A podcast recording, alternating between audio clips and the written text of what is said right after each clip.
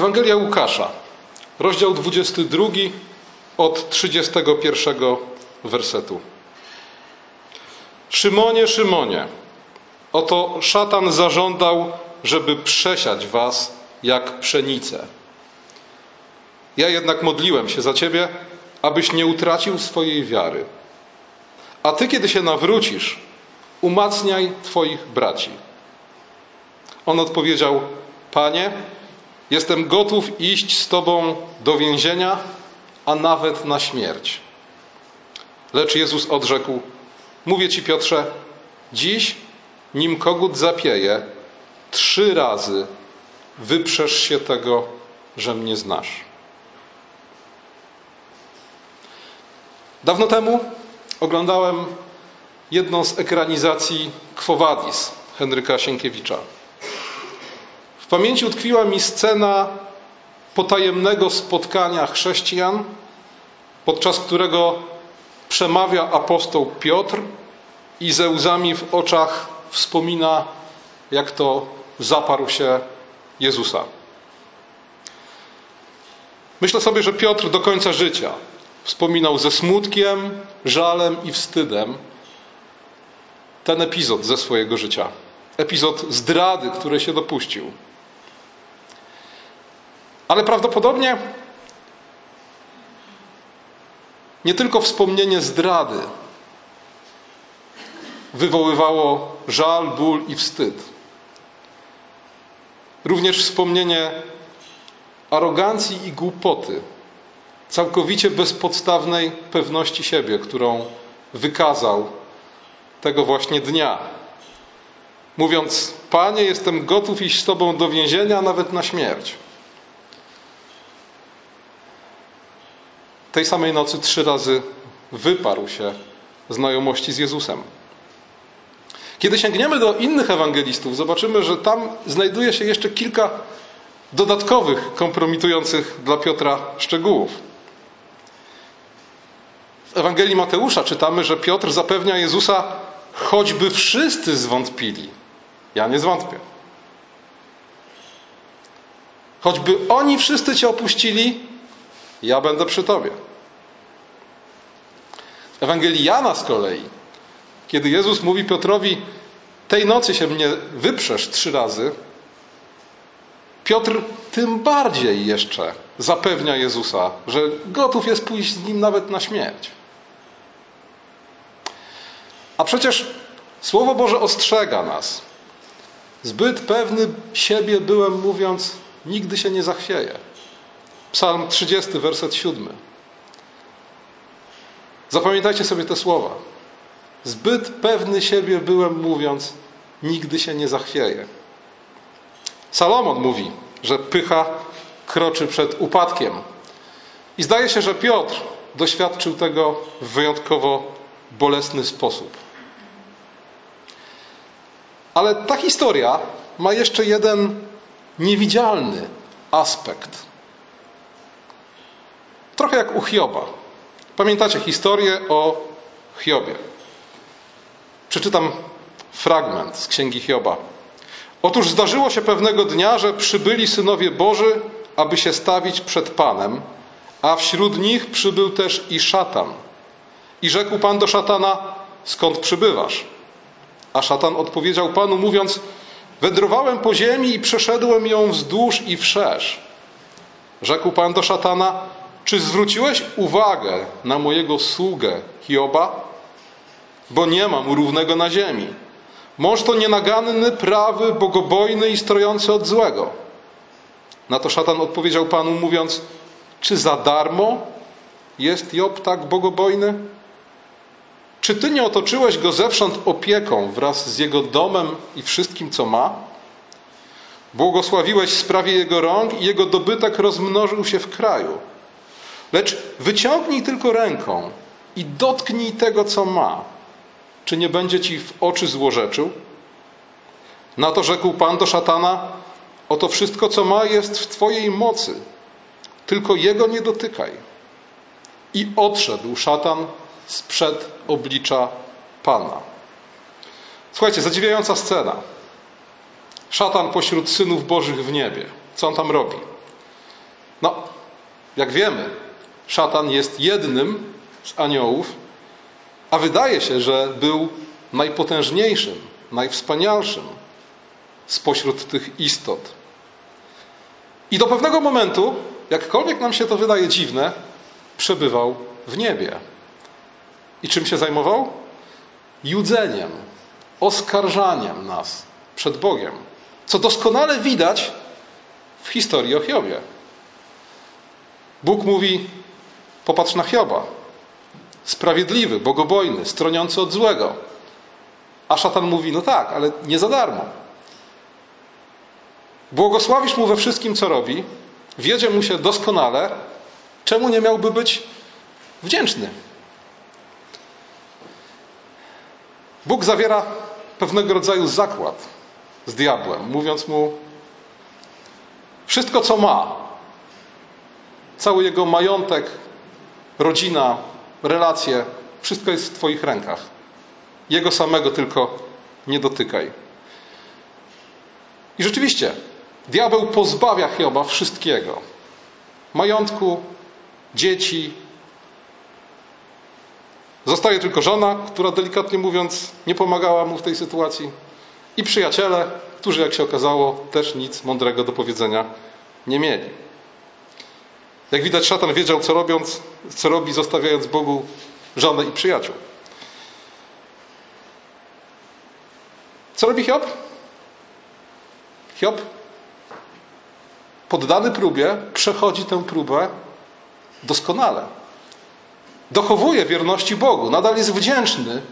Mówi: Niczego na ten świat nie przynieśliśmy, niczego z niego nie zabierzemy. Pan dał, Pan wziął. Niech imię Pańskie będzie błogosławione. Bóg wygrywa zakład. Ale kiedy szatan ponownie staje przed Bogiem, mówi do Boga: No tak, dochował wierności, ale wszystko, co posiada człowiek, odda za swoje życie. Dotknij jego kości i ciała, a zobaczysz, że będzie ci złorzeczył. Bóg znowu zgadza się na poddanie Hioba próbie.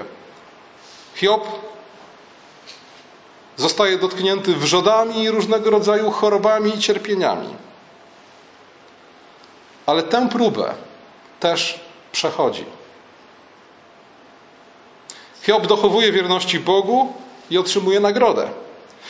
Czytamy, że Pan błogosławił Hioba po tym, kiedy już przeszedł wszystkie te próby, błogosławił jego ostatnie lata więcej niż te początkowe. Miał 14 tysięcy owiec, 6 tysięcy wielbłądów, tysiąc par wołów i tysiąc oślic, siedmiu synów i trzy córki, a w całym kraju nie było tak pięknych córek, jak tak pięknych kobiet, jak córki Hioba. Potem żył jeszcze 140 lat i oglądał swoje dzieci i swoich wnuków aż do czwartego pokolenia, a umarł stary i syty w dni. Co ciekawe, Hiob nigdy nie poznał kulisów tej historii. Nigdy nie usłyszał opowiadania o tym, jak to diabeł stanął przed Bogiem i poddał w wątpliwość bogobojność Hioba.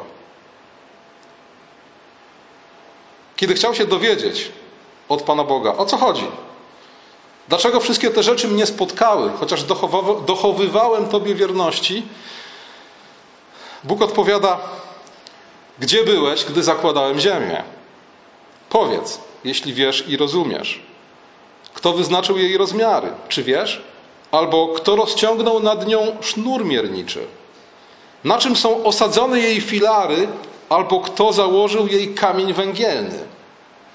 Gdy gwiazdy poranne chórem radośnie się odezwały i okrzyk wydali wszyscy synowie Boży. Krótko mówiąc, przekładając to na mniej poetycki język, przy całej sympatii do ciebie, chłopcze, kim ty jesteś, że chcesz pojąć niepojęte i zrozumieć to, co niezrozumiałe. Hiob przyjmuje z pokorą odpowiedź na swoje pytania. Tymczasem w Ewangelii Jezus daje Piotrowi pewien wgląd w to, co się ma stać. mówi Piotrowi tak. Zatrzymaj się, jeśli chodzi o Twoje deklaracje tego, jak to jesteś gotów pójść na śmierć. Jeszcze tej nocy się trzy razy mnie zaprzesz, ale kiedy się nawrócisz, utwierdzaj swoich braci. A więc Jezus mówi Piotrowi, co ma się stać. Mówi mu, Twoje deklaracje teraz są nic nie warte, ale przyjdzie czas, że się nawrócisz, wtedy utwierdzaj swoich braci w wierze. I odsłaniając kulisy tego wszystkiego, mówi: Szatan żądał, aby was przesiać jak pszenicę, ale ja prosiłem, aby nie ustała Twoja wiara.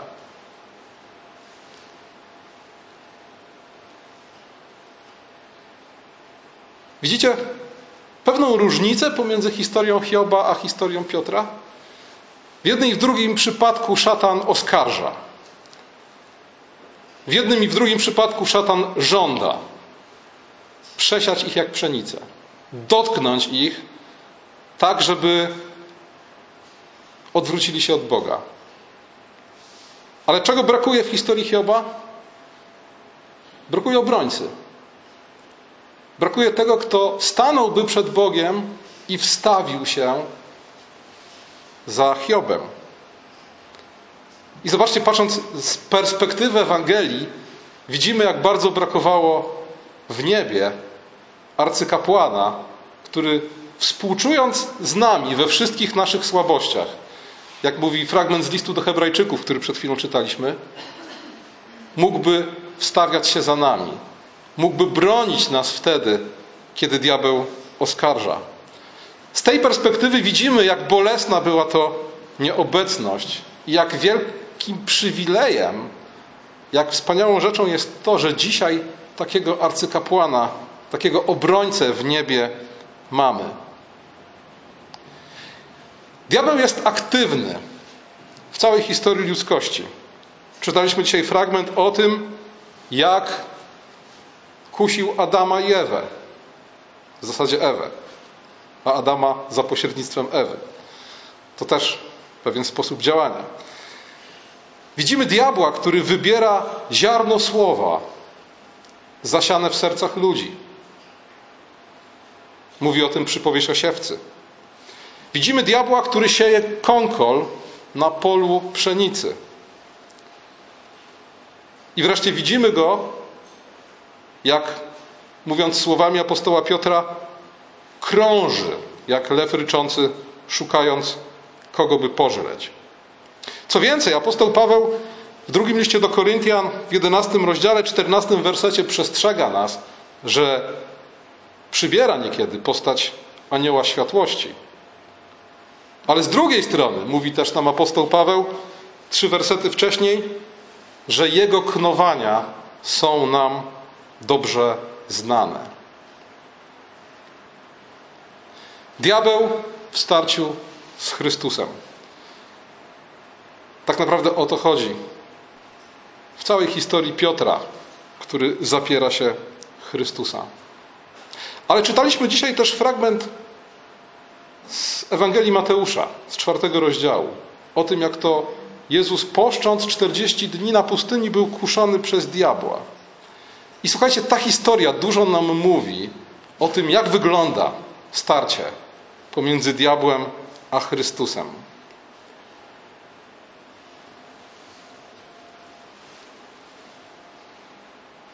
Ta historia jest pełna symboliki. Nie jestem w stanie opowiedzieć Wam teraz całej tej symboliki, ale chciałbym Wam zwrócić uwagę na podobieństwo pomiędzy tym, co dzieje się na pustyni w czwartym rozdziale Ewangelii Mateusza i tym, co dzieje się w ogrodzie Eden w trzecim rozdziale pierwszej księgi Mojżeszowej. Tam w konfrontacji z diabłem znajduje się Adam, pierwszy człowiek, głowa ludzkości. Tutaj w konfrontacji z diabłem znajduje się nowy Adam. Tak apostoł Paweł nazywa Chrystusa w liście do Rzymian. Ojciec i głowa nowej ludzkości.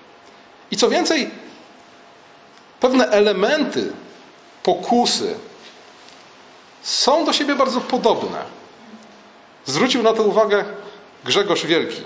Nie wiem, co się dzieje, ale drugi tydzień z rzędu cytuję papieża Grzegorza Wielkiego. Zwróćcie uwagę na to, że w raju diabeł mówi jedz.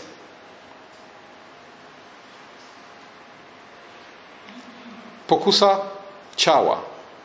Zaspokoić głód.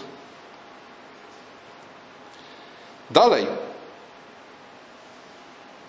Diabeł namawia człowieka, aby poddał człowieka, aby poddał Boga próbie, mówiąc, czy rzeczywiście Bóg zrobi to, co zapowiedział? Czy rzeczywiście umrzecie, kiedy zjecie ten owoc? I wreszcie odwołuje się do pragnienia władzy i kontroli nad sobą, swoim życiem i rzeczywistością. Bałwochwalczej władzy i kontroli. Mówiąc, będziecie jak Bóg, znający dobro i zło. A więc diabeł mówi: Powinieneś zaspokoić swój głód, powinieneś pragnienia swojego ciała zaspokoić niezależnie od tego, co mówi Bóg. Poddaj Boga próbie i zyskaj władzę i kontrolę. Kiedy zobaczycie, w jaki sposób był kuszony Izrael na pustyni, Izrael, który na pustyni, przypominam, 40 lat spełnił, spędził. Myślę, że 40 dni Jezusa na pustyni jest analogią do tych 40 lat. Izrael był kuszony w bardzo podobny sposób. Głód. Co będziemy jeść? Poddanie Boga próbie. Czy naprawdę Bóg jest pośród nas? Druga Księga Mojżeszowa, 17 rozdział, 17 werset. Tam właśnie pada to pytanie. I co ciekawe, Psalm 91, ten, który mówi o tym, że Bóg będzie nas nosił na rękach, czy aniołów pośle, aby nas nosili na rękach, abyśmy nie zrazili, abyśmy nogi o kamień nie, nie urazili, on w tym kontekście się właśnie pojawia. Do tego epizodu odnosi się też cytat z piątej księgi Mojżeszowej, do którego Chrystus nawiązuje, odpowiadając diabłu: Nie będziesz kusił Pana Boga swego, jak kusiliście go w masa. I wreszcie pokusa bałwochwalstwa, której uległ Izrael, oddając cześć złotego cielcu, złotemu cielcu. A więc zobaczcie, znowu głód, zaspokojenie pragnień i potrzeb, poddanie Boga próbie i bałwochwalstwo. I kiedy przychodzi diabeł do Jezusa na pustyni, co mówi mu? Jeśli jesteś synem Bożym, spraw, aby te kamienie stały się chlebem. Głód. Potem mówi: Jeśli jesteś synem Bożym, rzuć się w dół. Bo przecież Bóg obiecał, że aniołowie będą nosić cię na rękach. I wreszcie mówi: Wszystkie królestwa świata należą do mnie, mogę je dać komu zechcę. Oddaj mi pokłon, a zyskasz władzę nad nimi. A więc zobaczcie, nowy Adam, Chrystus, jest poddany w zasadzie tej samej pokusie, w zasadzie może inaczej,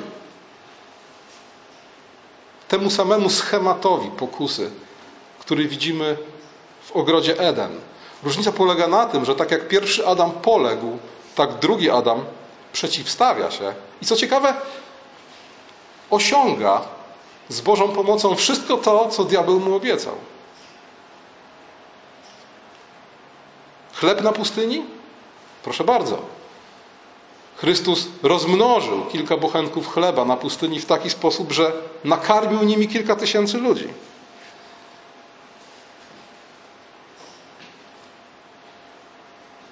Poddanie Boga próbie? Męka i śmierć, której finałem jest zmartwychwstanie. Panowanie nad wszystkimi królestwami świata? Co mówi Jezus w Ewangelii Mateusza w 28 rozdziale, 26 wersecie, kiedy wstępuje do nieba?